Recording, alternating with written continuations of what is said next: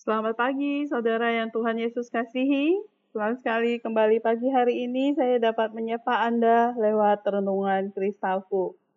Mari bersama-sama kita memohon pertolongan Tuhan sebelum kita akan membaca dan merenungkan firman Tuhan.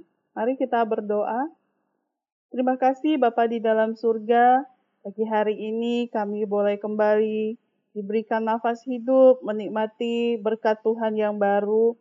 Kami tahu semua itu bukan karena kuat dan gagah kami, kelayakan kami ya Tuhan, tetapi semata-mata oleh karena kemurahan Tuhan semata.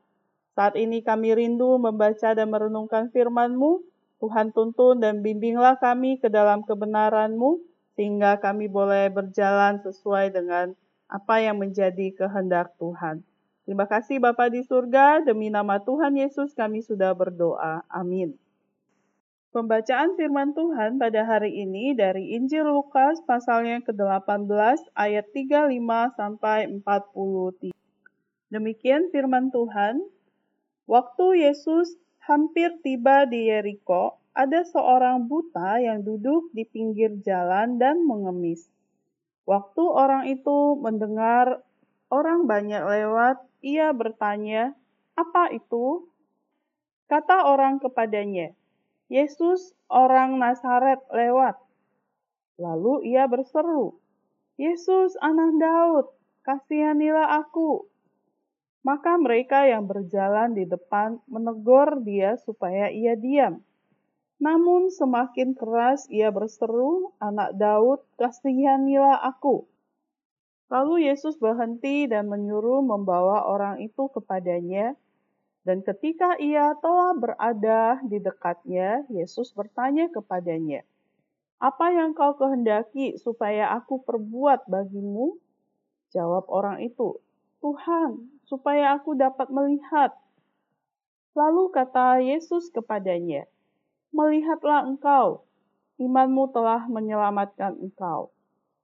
Dan seketika itu juga melihatlah ia, lalu mengikuti dia sambil memuliakan Allah. Seluruh rakyat melihat hal itu dan memuji-muji Allah. Sampai sejauh demikian pembacaan firman Tuhan. Tema renungan kita hari ini adalah Interupsi ilahi. Para ahli setuju bahwa setiap hari sejumlah besar waktu yang kita miliki tergerus oleh beragam interupsi.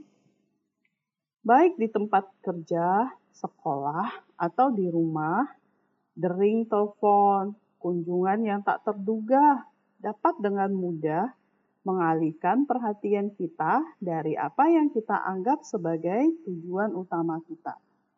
Rasanya, sebagian besar dari kita tidak menyukai adanya interupsi dalam kehidupan kita sehari-hari. Apalagi ketika hal tersebut membuat kita merasa tidak nyaman atau harus mengubah rencana. Namun, Yesus menyikapi apa yang dapat dirasakan sebagai interupsi dengan cara yang jauh berbeda. Berulang kali dalam kitab-kitab Injil, kita melihat Tuhan menghentikan apa yang sedang dilakukannya demi menolong seseorang yang membutuhkan. Ketika Yesus sedang dalam perjalanan ke Yerusalem, tempat dia akan disalibkan, seorang pengemis di pinggir jalan berseru, Yesus anak Daud, kasihanilah aku. Nah, beberapa orang di tengah keramaian itu meminta si buta untuk diam. Tetapi ia terus saja memanggil Yesus. Yesus berhenti dan bertanya kepada orang buta itu, "Apa yang kau kehendaki supaya aku perbuat bagimu?" Jawab orang itu, "Tuhan, supaya aku dapat melihat." Kata Yesus kepadanya, "Melihatlah engkau, imanmu telah menyelamatkan engkau." Ketika rencana-rencana kita diinterupsi oleh seseorang yang benar-benar membutuhkan pertolongan, kita dapat meminta Tuhan untuk memberikan hikmat bagaimana kita dapat merespon dengan penuh belas kasihan. Ini yang kita lihat dari bagian firman Tuhan yang kita sudah baca. Apa yang awalnya kita anggap sebagai interupsi, mungkin saja merupakan pertemuan ilahi yang telah ditetapkan Tuhan untuk terjadi pada hari itu. Oleh karena itu, ingatlah interupsi dapat menjadi kesempatan untuk melayani sesama. Jangan anti interupsi. Mari kita berdoa. Tuhan Yesus, terima kasih untuk firman-Mu. Penuhilah kami dengan hikmat dan belas kasih-Mu, agar kami dapat memberi tanggapan seperti yang Engkau berikan bagi mereka yang membutuhkan.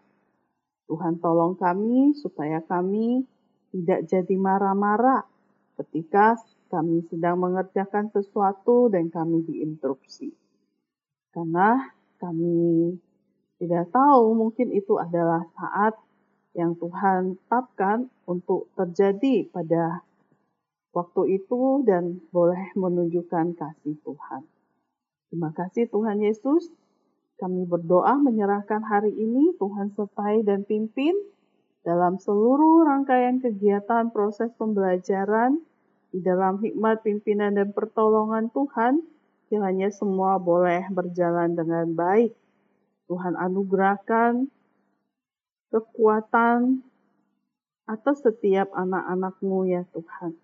Dan juga sukacita, motivasi yang kuat, untuk boleh mempersiapkan diri dengan baik dalam pembelajaran di hari ini.